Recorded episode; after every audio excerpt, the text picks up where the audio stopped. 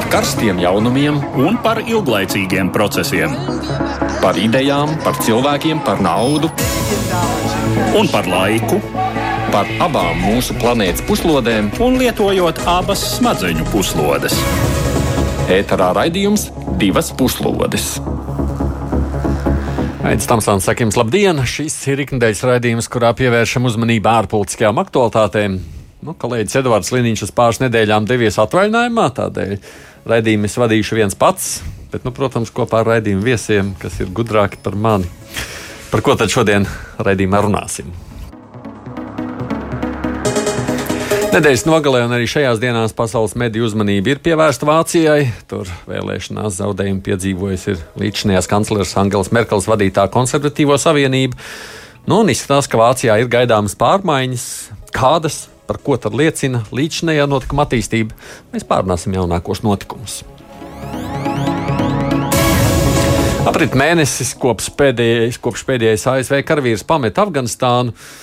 Savienoto valstu bruņoto spēku vadība saka, ka pilnīga aiziešana no Afganistānas ir bijusi kļūda. Tikmēr Afganistānā Taliban pamazām ievieš kārtību, darbu atsāk gan vidusskolas, gan universitātes. Sievietēm tagad ieeja gan tur pagaidām ir liekta. Un vēl interesants skatu vērojumi Lielbritānijā, kur, lai uzpildītu degvielu garās rindās sastājušās automašīnas, tādas neparastas cainas tika attīstītāji rietumu valstī. Vai tā ir tikai tāda negaidīta sagadīšanās, ka tā noticis, vai apakšā ir lielākas problēmas, cik tas ir saistīts ar Brexitu? Lūk, šādi mums ir pārnājumie temati. Būs raidījuma gaitā arī dažas ziņas īsākā apkopojumā, bet mēs sākam ar redzamāko notikumu, tātad Vācijas vēlēšanām. Vispirms mums ir faktu apkopojums. Socioloģisko aptauju mērījumi pirms vēlēšanām izrādījušies precīzi un uzticami. Līdzīgi kā rādīja prognozes, ar minimālu balsu pārsvaru vēlēšanās uzvarēja Vācijas sociāldemokrāti. Tiesa, tas negarantē automātiski kanclera amatu un pat nevietu valdošajā koalīcijā, taču vairums politikas ekspertu prognozē, ka tieši sociāldemokrātiem būs noteicošā loma Vācijas politikā nākamajos gados. Viņi izrādījušies šo vēlēšanu lielākie ieguvēji. Trešajā vietā palika zaļie, kuriem gan rezultāti ir krietni sliktāki nekā rādīja prognozes vēl pirms dažiem mēnešiem. Tomēr, salīdzinot ar iepriekšējām vēlēšanām, viņu popularitāte ir krietni augusi, un reti kurš šaubās, ka zaļie būs nākamajā valdībā. Salīdzinot ar Latviju, kur iespējamās koalīcijas sarunas tiek risināts jau vēlēšanu naktī, Vācijā tā nesteidzas. Vien trešdien pirmo reizi satikās trešās un ceturtās vietas ieguvēji, secinot, ka ir iespēja sastrādāties, un visiem ir skaidrs, ka valdības sarunas būs nedēļām un pat mēnešiem ilgas. Šajā nedēļā notiek vēlēšana rezultātu analīze. Vissarežģītākā situācija ir konservatīvu apvienībā, kas pieredzējusi sliktāko rezultātu pēckara Vācijā. Partijā atskan aicinājumi apvienības vadītājiem Lašitam atkāpties no amata, šādi uzņemoties atbildību par ietekmes zaudēšanu. Interesanti ir vēlēšana rezultāti atkarībā no vēlētāju vecuma, jo vecāka gadagājuma vēlētājs, jo lielāks atbalsts konservatīvajiem. Faktiski viņu uzticamākie balsotāji ir pensionāri. Tikmēr proporcionāli apgriezto ainu uzrāda zaļo partijas vēlētāji. Reti kurš pensionārs ir balsojis par viņiem, toties jaunieši lielākoties ir izvēlējušies tieši šo partiju. Tas viss liek jautāt, kas notiks vēl pēc dažiem gadiem un kā Vācijas politika mainīsies nākamajos gados. Mūsu studijā pievienojies arī ārpolitikas institūta direktors Rīgas Traģiņu universitātes profesors Eiropas studiju fakultātes dekāns Andris Pruts. Sveiks, Andri! Sveiki! Un arī man kolēģi, žurnālisti no Latvijas televīzijas, Inna Strasdiņa. Sveika! Sveika, Aidi! Te par to vēlētāju vecumu un partijas izvēli, kas te beigās skanēja, nav tā, ka konservatīviem jau uztrauc viņu vēlētājs izmirst. Nē, viņš neizmirst, tāpēc ka uh, vairāk nekā 60% Vācijas iedzīvotāji ir zem, ir, zem, ir virs 50 gadiem. Mm. Uh, vienkārši pats par sevi vēlētājs ir vecs. Līdz ar to vēlētājs pats par sevi ir vecs.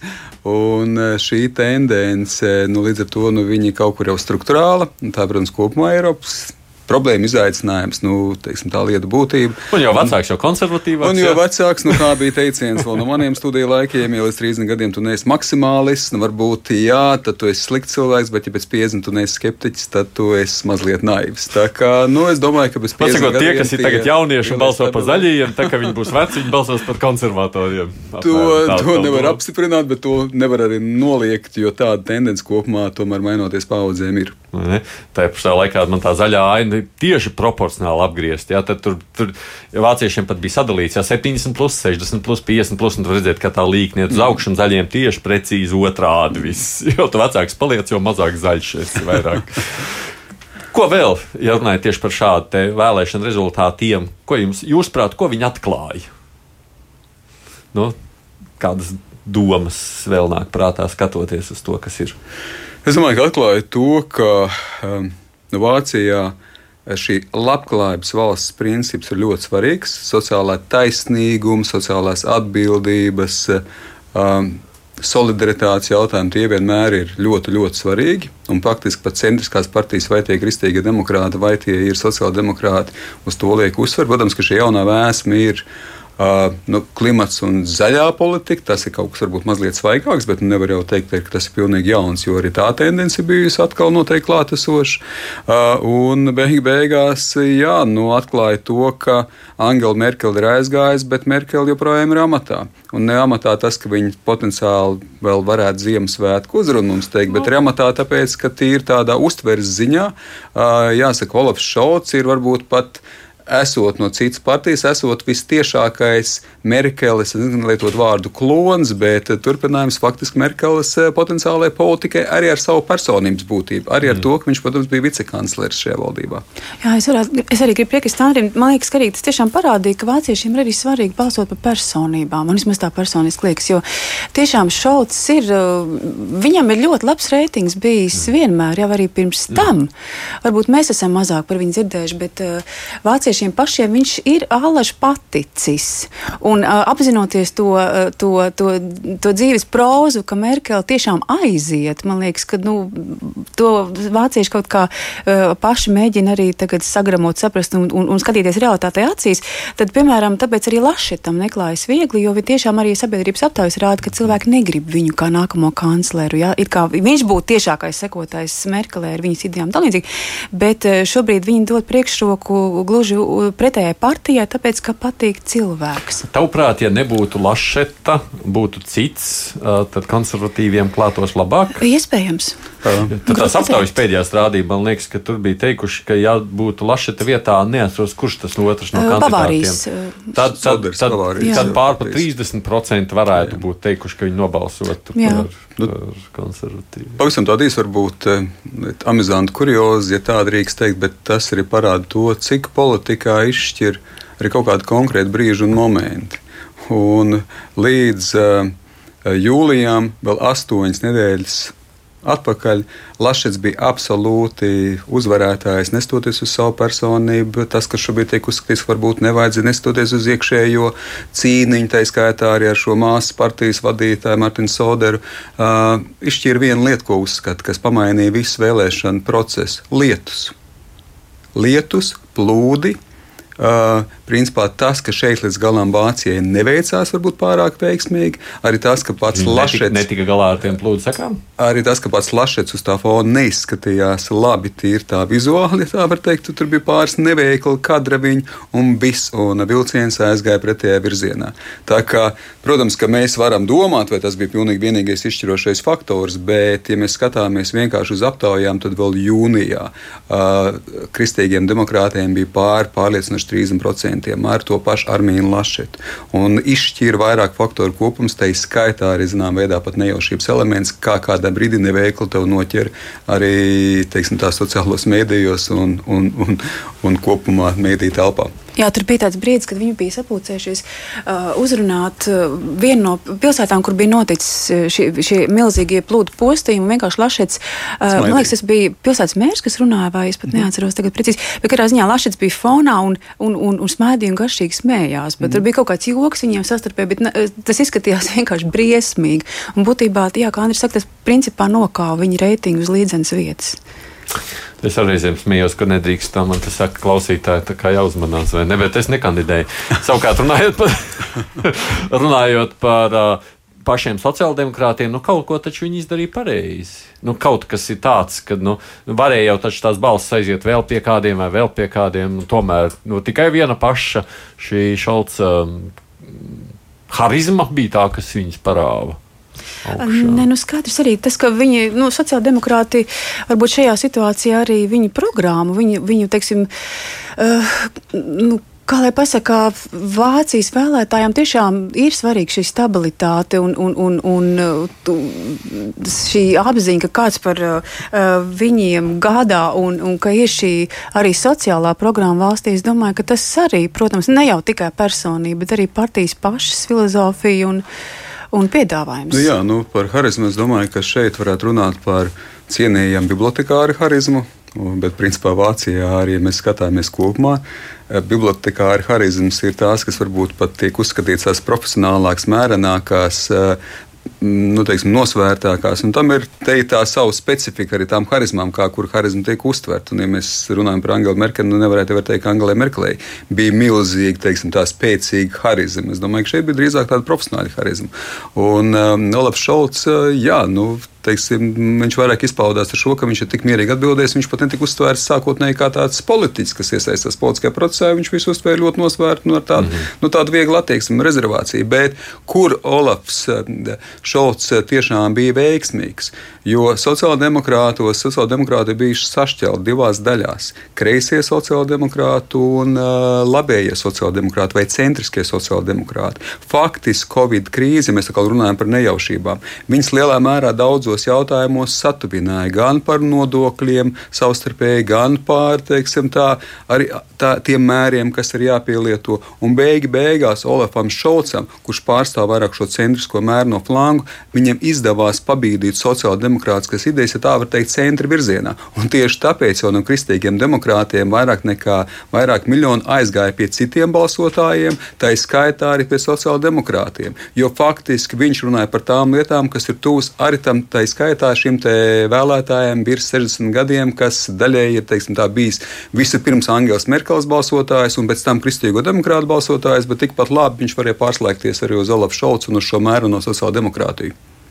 Ja savukārt man jau būtu vēl kādi jautājumi, bet droši vien skatoties uz priekšu, domājot par to, kas tagad notiks ar šīm notiek ar tām koalīcijas sarunām. Uh, Ah, nu, Latvijā taču mēs tur tiešām viens nakts laika. Mēs, tad, kad jau vēlēšanas beigušās, mums jau tur notiek sazvanīšanās, viņi jau tur ātri jau zem depiķi jau kaut ko jau organizējam. Viņiem tur kaut kā baigi lēni. Tas ir tā. Visu dara pieklājīgā formā, kāpēc viņi tik lēni sarunājas. Tikai vakar pirmās partijas, un tad sagaidīja, kurš uzaicinās uz sarunām, un tad runāsim tikai. Nu jā, vācieši nesteidzās ar savu, savu valdības veidošanu, bet man liekas, arī šī situācija ir jauna tajā ziņā, ka pēc ilgiem gadiem izskatās, ka vairs nebūs šī grāna koalīcija, kad ir kopā uh, sociāldemokrāti ar kristīgajiem un ka sociāldemokrāti šobrīd grib veidot savu tādu stāstu, jaunu valdības stāstu kopā ar zaļajiem un liberāļiem, kuriem arī ir savas prasības. Un es domāju, ka tieši šobrīd zaļie un liberāļi ir topā tajā ziņā, ka viņi var ļoti daudz ko nu, prasīt un izvirzīt. Bet es varētu iedomāties, kā tas Latvijā gan, gan zaļie, gan sociāldemokrāti tajā pašā naktī zvanītu un mēģinātu sarunāt, lai tie pirmie neaizrunā. Saka, runāsim mēs ar mums. Tur tā nenotiek. Tur viņi tā pieklājīgi saka, nu mēs ļausim pa priekšu jums aprunāties, skatīsimies, kas jums sanāks, un tad domāk domāsim. Jā, nu te ir pāris lietas. Viens, es varbūt Tad kopumā konceptuāli piekrītot to, ko saka Inai, ka nu, nav tas, tā griba vēlme pēc um, lielās koalīcijas sociāldemokrāta un kristīgie demokrāti, bet iepriekšējā reizē tāda pašvēlme nebija. Ar iepriekšējā reizē nu, četras jā, jā. mēnešus, kā saka, šī valdība tika veidota un beigās tieši tāpēc viņa tika izveidota lielās koalīcijas veidolā, tikai tā iemesla dēļ, ka atkal brīvie demokrāti nespēja vienoties ar zaļajiem. Jā. Un tāpēc te ir zināma loģika, ka brīvie demokrāti ar zaļajiem sāk vienoties. Ja viņi savā starpā nevar vienoties, nekā nav. Jo viņi pārstāv politisko ideju spektra dažādos teiksim, tā, galus. Jo vien, ļoti vienkārši runājot, zaļie ir principā par lielu valsti, par nodokļu sistēmu, jo vajadzīga zaļā infrastruktūra, vajadzīga, teiksim, principā viss, visi, viss finansējums, tā skaitā, lai attīstītu zaļo, zaļo dzīvesveidu. Kamēr brīvā demokrātija ir pilnīgi pretēji, viņi ir par mazu valsti. Un šeit ir konceptuāls milzīgs, teiksim, tā atšķirības. Uh, bet, ja mēs runājam par šo sarunāšanos, tagad te zinām loģika, tieši šīs divas partijas sāk sarunas, bet nenoliedzam, ka viņiem jābūt uzmanīgām, jo nav jau tā, ka viņas izvēlēsies, nu tad kristīgos demokrātus viņas paņems vai sociāldemokrātus, jo var jau teikt, ka arī pēc tam beig beigās mēs tiešām varam vienoties par lielo koalīciju, jo šīm Vienmēr. divām partijām ir absolūtais vairākums, no absolūtais tā ziņā, kurš 50%. Bet viena lieta, kas atšķir varbūt Latviju no Vācijas, ja Latvijas tomēr politiskajā procesā pietiekoši lielu lomu, nu varētu un parasti tomēr spēlē prezidents, jo viņš nominēja uh, premjeru. Mm -hmm. Un līdz ar to kaut kādā veidā šeit prezidentam ir zināma iniciatīva. Vācijā tieši skatoties uz 30. gadu pieredzi, prezidentam ir pilnībā noņemta uh, iniciatīvas uh, teiksim, tā, šī te funkcija, jo partijām pašām ir jāvienojās, jo 30. un 20. gados bija ļoti spēcīgs prezidents un mājas partijas. Un tas noved pie Hitlera, ko prezidents nozīmēja. Tāpēc pēc 45. gada politiskā sistēma Vācijā ir uzbūvēta pilnīgi pretēji, ka prezidentam nav nekādas iniciatīvas iespējas principā vadīt procesu, lai partijas pašas savā starpā mm. vienojās. Nu jā, loģiski. Mēs esam sazinājuši mūsu kolēģi Ieva Alberti, kura dzīvo Vācijā. Ieva, sveika! Halo! Sveiki! Prieks tevi dzirdēt! Runājot par noskaņojumu Vācijā, kā tu raksturotu, ko tad vēlētāji tagad saka par rezultātiem un ko sagaida, kas tālāk notiks? Šīs ir, manuprāt, interesantākās, aizraujošākās vēlēšanas Vāciešu mūžā. man, man ir tāda sajūta, jo vēlēšanām tiešām runā joprojām. Kad tu satiec kaimiņu, tu vairs nerunā par Covid vispār. Mm, tagad tikai par Galvenais, politiku. Kas tiks? Tiešām ir, e, jo šis ir ļoti liels notikums, ikona aiziet, kas nāks vietā un e, kāda būs turpmākā politika. E, tas, tas gruzdēja un gruzdēja, protams, bet šis ir, ir ļoti, ļoti, ļoti daudz presē komentāru, ir joprojām uz visiem vākiem. Uh, un būs uz visiem vākiem politika ilgstoši. Tas ir pilnīgi skaidrs.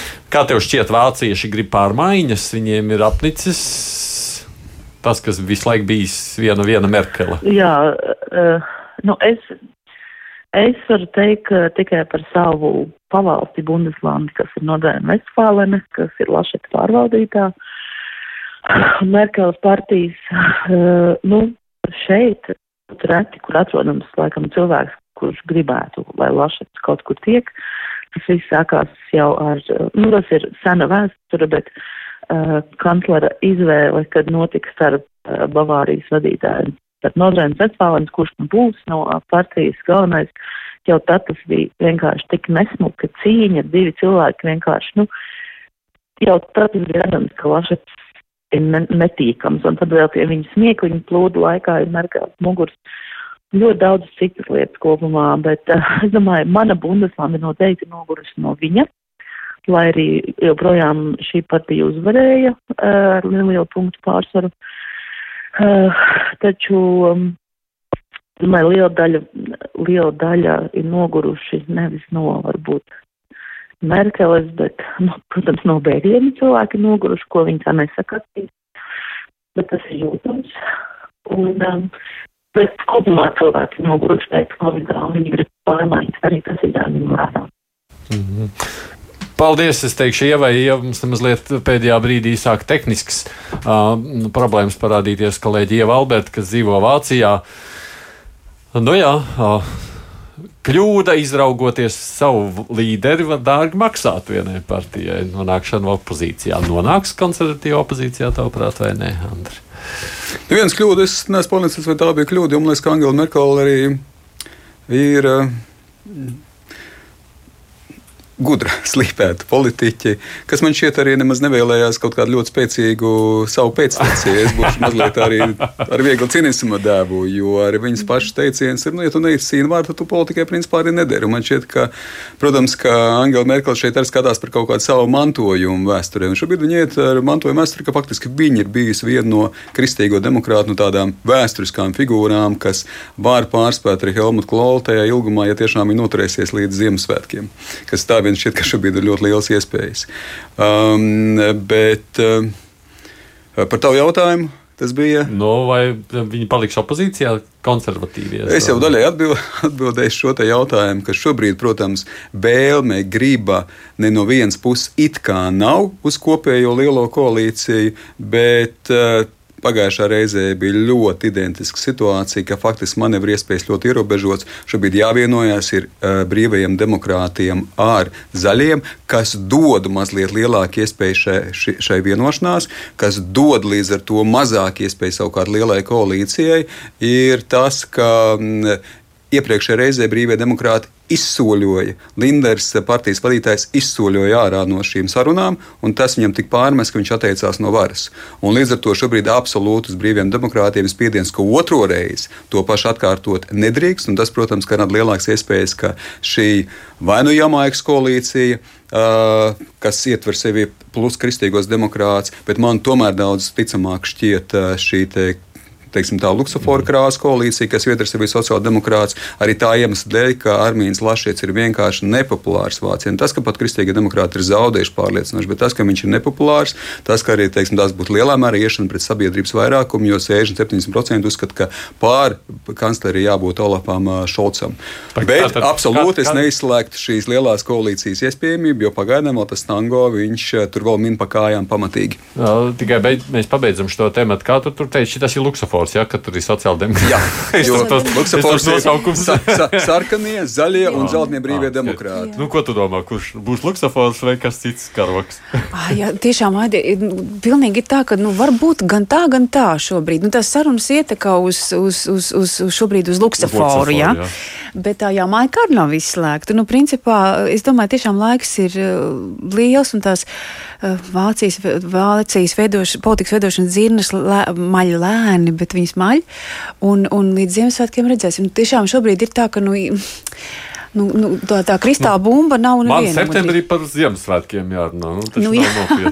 nu, jā, nu, tas viss, viss, viss ir ļoti tādā dziļā vēl procesā, bet nu, varbūt arī tiešām ļoti negaidīti un var viss atgriezties vecajās sliedēs. Jo, viskā, kā man ir teikuši arī um, paši teksim, Vācijas diplomāti, ka vāciešiem, godīgi sakot, tās lielas pārmaiņas arī nepatīk. Viņiem patīk, kad ir viss tā kārtīgi un pavecam. Kaut ko gribētu mainīt, Jā. bet ne, ne pamatīgi. Labi, pievēršoties citiem tematiem, ir jāpiemina vēl kāds nesens, bet arī tāds starptautiski ļoti aktuāls temats pagājis mēnesis, kopš pēdējais karavīrs pameta Afganistānu. Kas tad tur tagad notiek? Starptautisko mediju interese par Afganistānu pamazām noplūk, jo ir skaidrs, ka nekādu pārsteigumu Talibanu valdīšana neradīs. Tiesa, ziņu par pārmaiņām netrūkst. Kādā provincē vairs nedrīkst dzīt vai apcirpt bārdu, citvieta karājas publiskai apskatēji izlikti sodīto līķi. Tiek atvērtas skolas un universitātes, taču tikai zēniem un vīriešiem. Sievietēm pagaidām nav atļauts mācīties. Šis vārdiņš pagaidām tiek atkārtots bieži. Pat konstitūcija, kuru grasās atjaunot Taliban režīms, būšot pagaidu konstitūcija.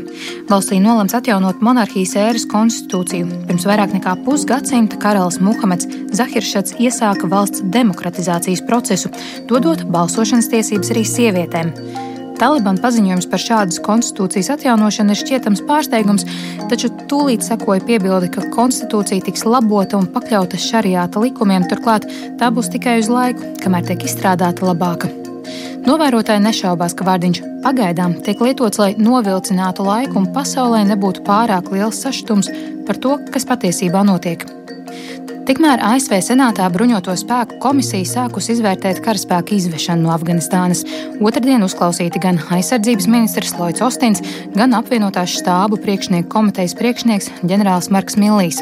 Viņi faktiski atzina, ka notikušais ir kļūda un viņuprāt kaut kādu kontingenta daļu Afganistānā bija jāatstāj. Tas, cik strauji sabruka iepriekšējais režīms, esot bijis pārsteigums, un amerikāņi nav novērtējuši reālo situāciju. Kā sacīja ģenerālis, viņam nav ilūzija par to, vai Afganistāna nākotnē varētu atkal radīt draudus. Taliban nesot sarās attiecības ar Al-Qaida un atjaunotais grupējums vai Islāma valsts ar vēlmu uzbrukt ASV ir ļoti reāla varbūtība. Tā sacīja Millīs.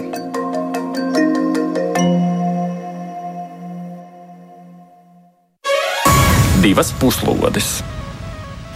Cik nopietnams ASV prezidents tad ir rīkojies ne tā, kā gribēja armijas vadība, un tad izveida to karaspēku nerieķinoties ar iebildēm. Tā var saprast no tā senātā teiktā. Gan aizsardzības ministra, gan ģenerāļa teikto, ka viņi teica, nē, nu, ka tā nevajadzēja tomēr darīt. Baidens rīkojies uz pretēji sanāk.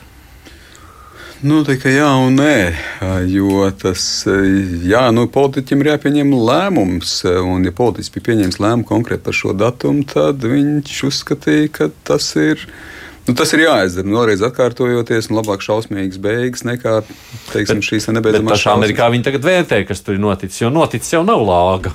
Nav lāga pats process, absolūti. Okay. Bet, teiksim tā, es domāju, ka Nu, ja mēs skatāmies uz to procesu, tad šobrīd jau vienmēr mēs esam varbūt mazliet gudri pēc tās kaujas.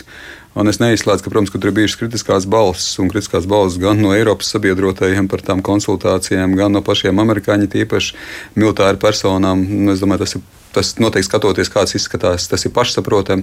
Bet no otras puses, nu, protams, kad eh, nu, ja tas lēmums tika pieņemts, tad nu, uzminēt visas detaļas bija grūti. Bet skaidrs, ka kā tas notika pašspēka aiziešana, to par veiksmu stāstu nosaukt nevar. Un tā ir lielā mērā, es teikšu, vārdu izgāšanās. Jā. Jā. Bet tagad par to pašu Afganistānu runājot.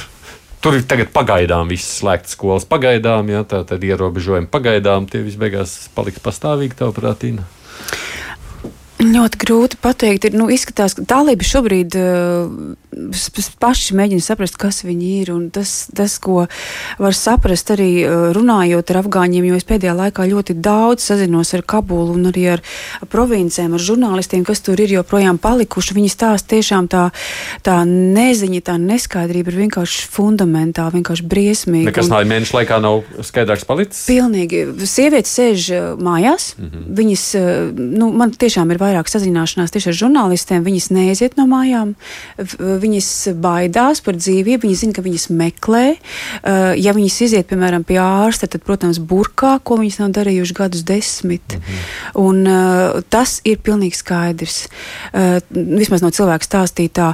Un, protams, visi šie talību mēģinājumi arī ar šo pašu konstitūciju paziņojot, ka uz laiku ievieš monarhijas laika konstitūciju, kas tiešām bija ļoti brīva salīdzinoši ar, ar, ar šo situāciju, bet ar izņēmumiem, ka tas, kas neatbildīs šariāta likumiem un Emirāta, Islāma Emirāta prasībām, to tad neievēros. Tas viss ir tāds, nu, nu, tas būtībā nav nekas skaidrs, ka neievēros ne sieviešu tiesības, neko. Un tas viss ir tāds taustīšanās, jo tajā pašā laikā Talib, protams, grib šo starptautisko atzīšanu, viņi grib naudu, viņi grib, lai atbrīvo šos kontus, lai viņi var tikt klāt naudā, jo, Talib, jo Afganistāna grimst absolūtā nabadzībā, trūkumā. Viņi arī saprot, ka nevarot nodrošināt cilvēkiem cilvēkiem maizi, viņi arī, protams, ir ārkārtīgi nepopulāri. Ja, un tautas atceļās. Nu, īsāk sakot, tur ir ārkārtīgi problēma. Sakot, tas, ko viņi saka, Taliban, tur nav īsti jēgas klausīties. Nu, ir un nav. No vienas puses, nu, tas, ko viņi uh, saka, uh, protams, viņi arī īsteno to kaut kādā veidā, jo arī, piemēram, ja viņi neslēpj arī, ka, tā, piemēram, skolās, tu sievietes ne, augstskolās var iet, bet ir, bet ir jābūt ievērojot atkal šiem šariāta likumiem tam līdzīgi līdzīgi. Eh, protams, viņos ir jāklausās un, un, un, un ir eh, jāklausās uzmanīgi, jo, eh, lai izdarītu tālākos secinājumus, bet konsekvences, protams, tur nav. Tur nav, tur nav nekā, pie kā mēs varam droši turēties. Par ko šis mēnesis liecina, kas, ko mēs varam sagaidīt tālāk? Uh, es varbūt nonākšu pretrunā mazliet ar sevi, jo skaistā situācija ar ir. Ar sevi tu vari nonākt. es drīkst, drīkst. Es paldies arī tieši tā domājot, reflektējot uz to, kas notiek. Var jau arī teikt, ka atgriežoties pie tā iepriekšējā jautājuma par to, nu, tā ir izgāšanās vai nē, un ar nevienas puses piekrītot un apstiprinot, ka tā ir izgāšanās. Bet var jau apgalvot otrādi, tas bija pareizs lēmums aiziet. Tieši tā iemesla dēļ var apgalvot, ka tik ātri jau arī viss nokrita. Ja šīs cīņas būtu turpinājušās ilgāk, ja būtu bijusi pretestība, tad varētu teikt, ka tiešām Afgan Afganistānas sabiedrībā ir ļoti spēcīgi arī citi spēki. Nu, tagad, diemžēl, ir jāsaka, mm -hmm. ka Talibāns pārņēma pilnīgi visu valsts kontroli bez neviena nu, teiksim, tā, kaut kāda tāda kārtīga pretestības punkta. Šādi nav noticis pēdējos 30 gados. Pat tajā brīdī, kad Talibāns pārņēma 90. gadu vidū, tad tomēr joprojām palika Ziemeļa, Afganistāna, arī šī pat Panžīrijas, teiksim, Panžīras ielēja bija vesela virkne, pretestības punktu. Šobrīd pretestības punkti izgaisa dienas laikā. Un tas gan ir apliecinājums tam, ka no šādas valsts vai no šādas sabiedrības, un tā viņš ir laikam, tu tomēr, es piedošu un lietošu vārdu, ir jātina arī makšķeris. Jo tur nav griba pretoties pret Talibānu. Tas nozīmē, ka iespējams šajā sabiedrībā ir pietiekoši liels atbalsts Talibānam. To ir jārēķinās. Jā, um, ar to ir jārēķinās pats Talibāns. Domāju, to, ko Inna teica, taisnība tajā ziņā, ka Talibāns man šķiet, nu viņš tas Talibāns 2.0 meklē sevi. Viņš meklē pats sevi, un tur ir dažādas frakcijas. Tur ir šie diplomāti frakcija un politiķi frakcija, kas noslēguši kaut kādas dīlus, kas saprot mazliet starptautisko vidi, un ir savukārt, protams, karotāja frakcija, kas skatās tā ļoti tūkstneša veidā uz, jo tā kā mēs runājam par islāmu, ir jūras islāms un ir, ir tūkstneša islāms. Nu šeit to pašu šķiet, ka mēs varam attiecināt uz Talibānu. O, ir Kataras Talibāns un ir noteikti kaujinieka Talibāns. Un varbūt tas, kas nu nedaudz dod tomēr starptautiskai sabiedrībai, skaitā arī rietumiem, Eiropai, Amerikai, nu zināmā veidā kaut kāds svar, svar un svīru kausa pasvērts vienu uz otru pusi, un ir tas, ka šī Afganistānas valdībai Talibānam vajadzēs kaut kā ekonomiski šo sabiedrību nu, uzturēt. Dabūs viņi to naudu no rietumiem vai nedabūs, uz ko viņi teica, ka viņi cer?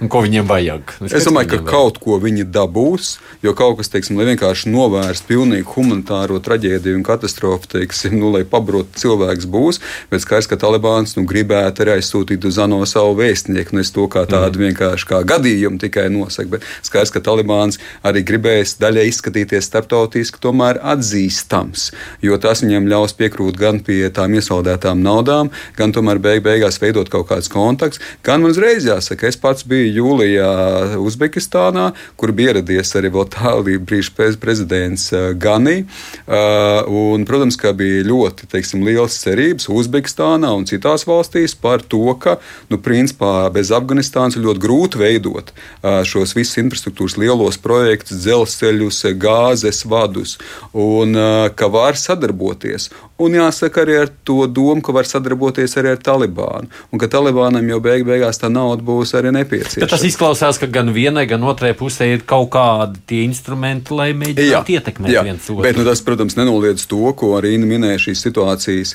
nu, teiksim, tā pasliktināšos it īpaši attiecībā uz sievietēm. Jo skaidrs, ka nu, šī šariāte, tā var teikt, domāšana un likumdošana, nu, viņi neizplēnēs, un Talibāns uz tā ir būvējis arī savu leģitimitāti. Bet vienlaiks, protams, Nu, man jāsaka, nu, ir kaut kādi pozitīvie stariņi. Jo, ja iepriekšējā reizē nu, vienkārši pakāra to pašu bijušo prezidentu 94. gadā, pakāra prezidentu pie, pie gaismas staba, pirms tam viņi var viņu izdarot visādas sliktas lietas, tad šobrīd nu, tomēr pat kā, kaut kādas mazas protesta akcijas mēs redzam Kabulas centrā. Bet tur vienalga kāda taču tiek pakārta, vai ne?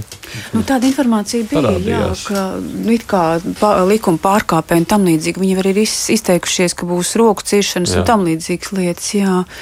Tu tā. gribētu aizbraukt tādu uz Afganistānu? Protams. Gribētu? jā. Bail nebūtu? Nē. Un tad tu ģērbtos tajā burkā, kā tad? Jā, es saprotu, ka starptautiskie žurnālisti uh, ir viena lieta, man liekas, ko tā, šobrīd ir tā, ka Talibāni jau arī saprot, ka viņi akurāt nevar nu, teiksim, tā, apdraudēt starptautiskos cilvēkus, kas ir zemē iekšā. Jo, ja viņiem ir svarīga starptautiska atzīšana, mm -hmm. tad principā viņiem upuri šobrīd no kaut kādiem starptautiskiem žurnālistiem nevajag. Un, tās sievietes žurnālistes, kas šobrīd ir Afganistānā, no CNN, BBC un citām mediju kompānijām, ir lakatos nav burkās, protams, mm -hmm. tas tiek respektēts, jā, ka galva tiek piesakta, bet nu, rosās. rosās. rosās gan, jā. Bet tā, pabeidzot tā, tas, ko sacīja ģenerālis aizvakar senātā. Sakot, ka nu, viņa prāt, tomēr pasaulē būs draudi no Afganistānas, vai ka tas nav izslēgts, un ka viņš pieļauj to diezgan lielu iespējamību. Cik tavuprāt tas varētu būt kā Afganistāna kā drauds, terorismu drauds? Sakot, ka draud. Es, es vairāk liktu spektru tomēr tajā vēsākajā galā nekā tajā karstākajā galā. Um, tāpēc, ka, ja mēs skatāmies kaut kādā pēdējo mēnesi, nu tad, tad teiksim, terorismu tādu atklātu uzbrukumu, jo faktiski jau nav pret ko līdz galam vērsties. Šobrīd sākās cīņa, un te ir tas paradoks, ka Talibāni kaut kādā veidā vēršas pret vēl radikālākiem teiksim, kustībām, šajā gadījumā Al-Qaida vai ISIS. Un viņi nav savstarpēji nekādi draugi. Tāpēc no tā viedokļa raugoties, protams, ka no vārtas būtu pietiekoši dramatiski, arī nu, grūti izaicinoši, tīpaši atsevišķām etniskajām grupām, sievietēm pašā Afganistānā. Bet kopumā man šķiet, ka Afganistāns, ja tā var teikt, vadība nav bija interesēta, lai Afganistāna kļūtu par kaut kādu terorismu centru. Un arī tā skaitā, lai faktiski, lai viņi būtu leģitīmi ar kaut kādu nu, mēru no radikālo islāmu, ja šī vārdu kombinācija vispār bija kopā, tad faktiski viņi vērsīsies varbūt pat pret radikālākiem, teiksim, šiem te terorisma grupējumiem organizācijām. Tā kā no tā viedokļa viedokļa man sajūta ir, ka uh, burbuļos, bet uh, vai tā kļūs par tādu teiksim, epicentru un um, terorisma eksporta hubu, es, es drīzāk šobrīd liektos ne nekā jā. Ko tu domā par Afganistānas tālāko? Nākotnē, tuvākā kaut kādā gada laikā. Nu, visu laiku taču nesēdēs kolēģis iekšā dzīvokļos, mājokļos. Ar... Jā, nu, tas ir jāstāsta tiešām kā. Uh, nu, kā, kā starptautiskā sabiedrība galu galā izvēlēsies vai neizvēlēsies sadarboties ar Talibanu režīmu.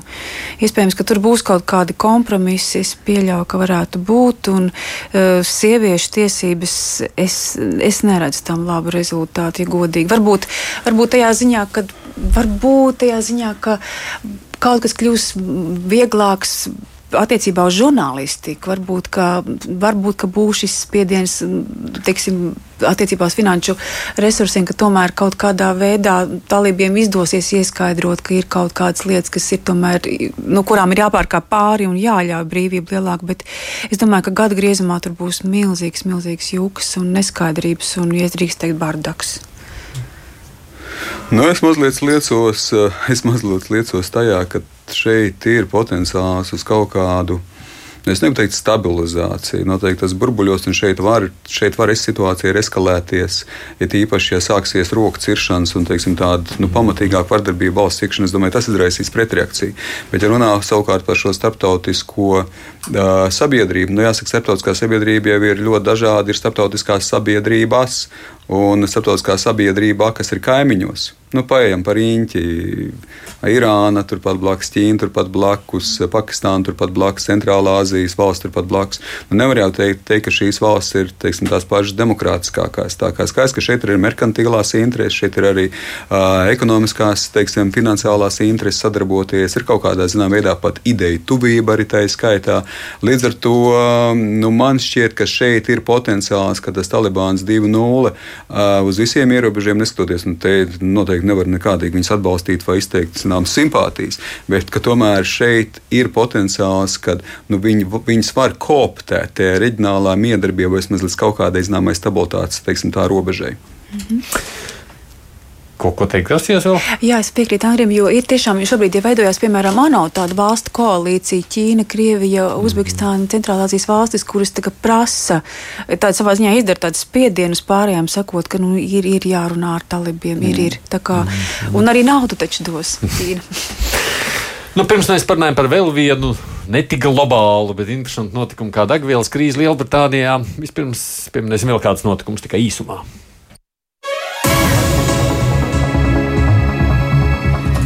Sāsnās cīņas starp Krieviju un tādu pasaules internetu gigantu kā Google.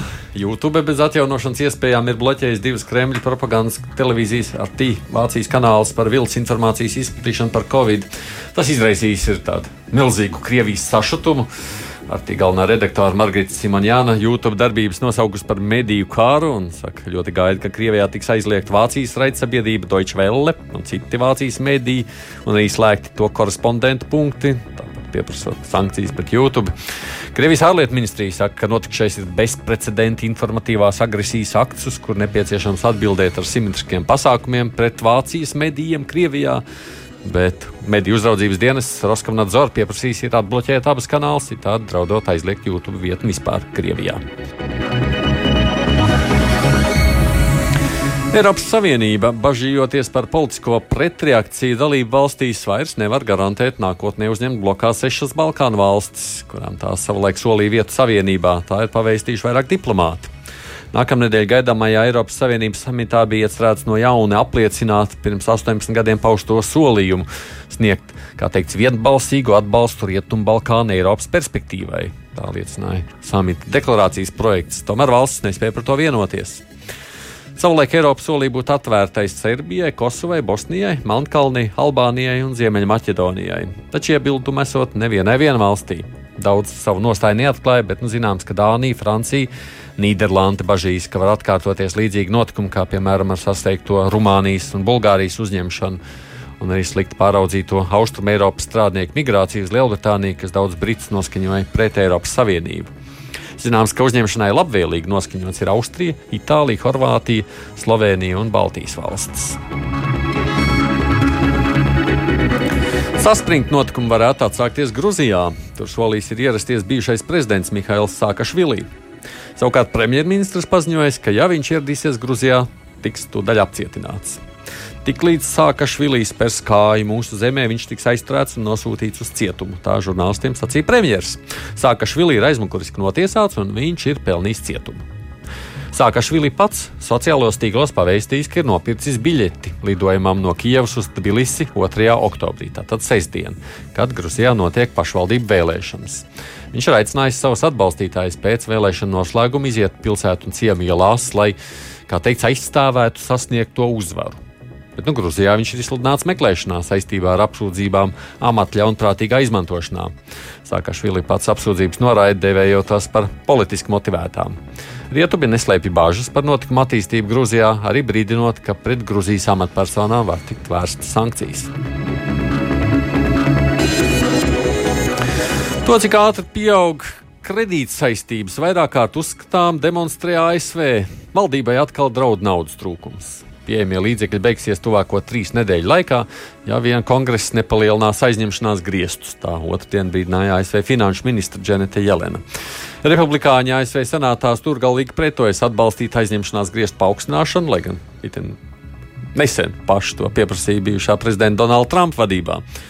Kongresa aizņemšanās griezts atcēla 2019. gadā, 31. jūlijā tie atkal tika atjaunoti, nosakot tos 28,4 triljonu dolāru līmenī.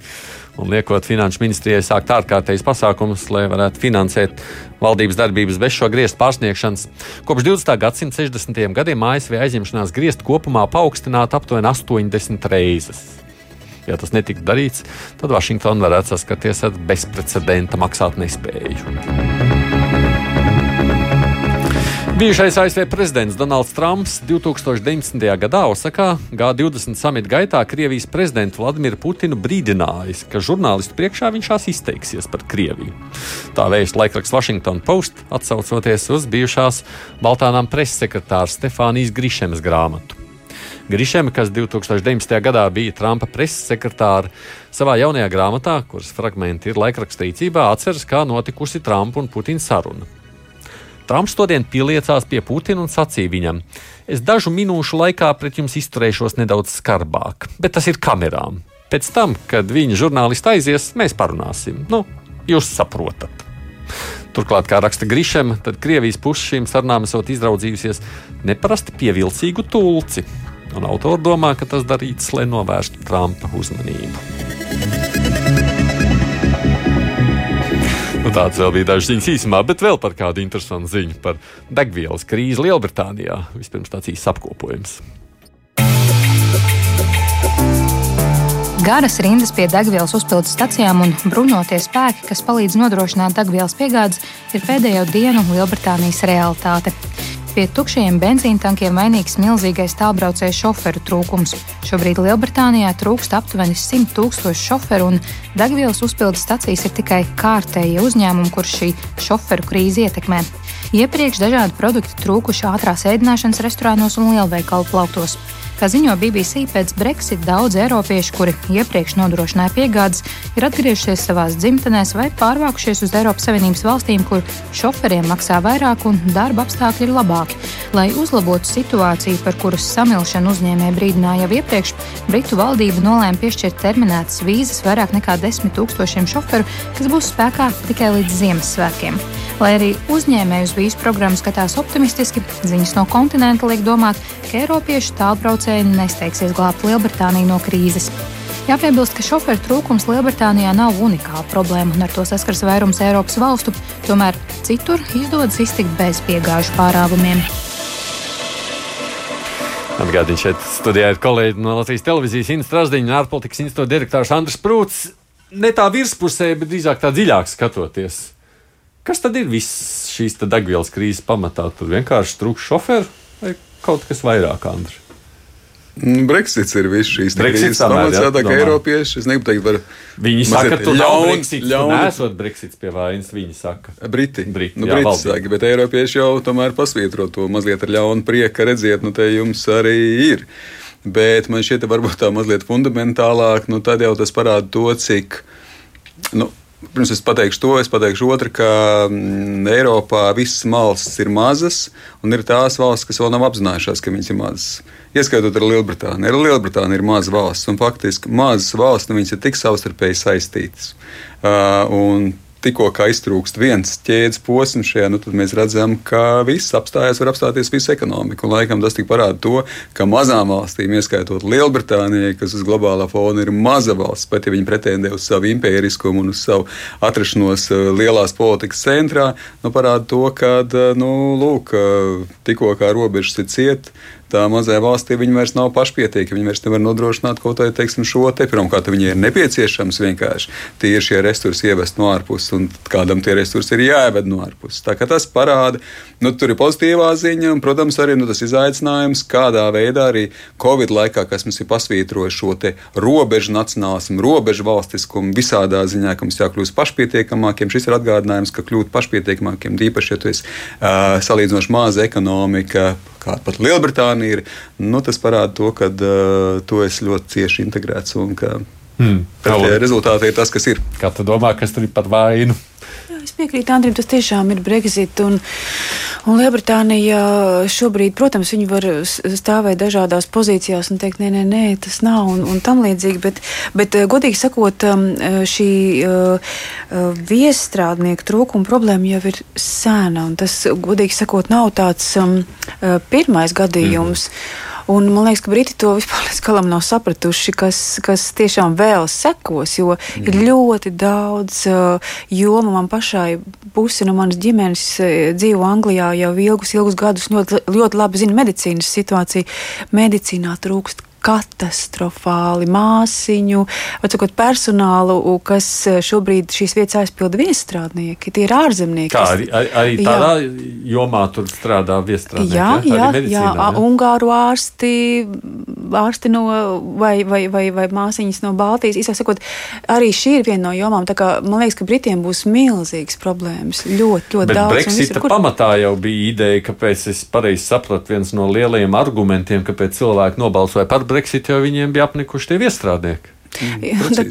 Jā, Precīzi. bet nu, es domāju, ka tā īsta atbilde ir tāda, ka, protams, ka tie bija identitātes jautājumi, un šobrīd sāk darboties ekonomikas jautājumi. Un identitātes jautājumi tieši tā bija, ka tā bija tā, ja tā var teikt, tradicionālā Britānija, viņa vairs nebija tik tradicionāla. Un tad, protams, ka latvietis, polis un arī citi, nu, mazliet ir tīpaši mazākās pilsētās, ir tīpaši tajās tipiskajās uh, angļu pilsētās, kas varbūt nav tik kosmopolītisks, nu, spiedās acīs.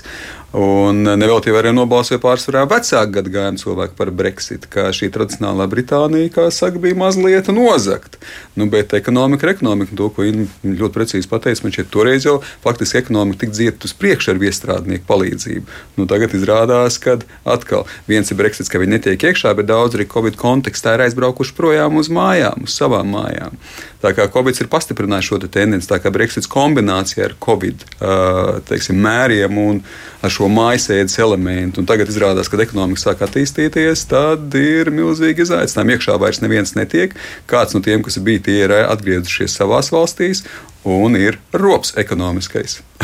no armijas ir risinājums. Nav risinājums. Tā armija vedās degvielu būs par šoferiem. Nu, jā, nu, tas jau tāds ielāps, protams. Jā, tas ir tāds krīzes risinājums.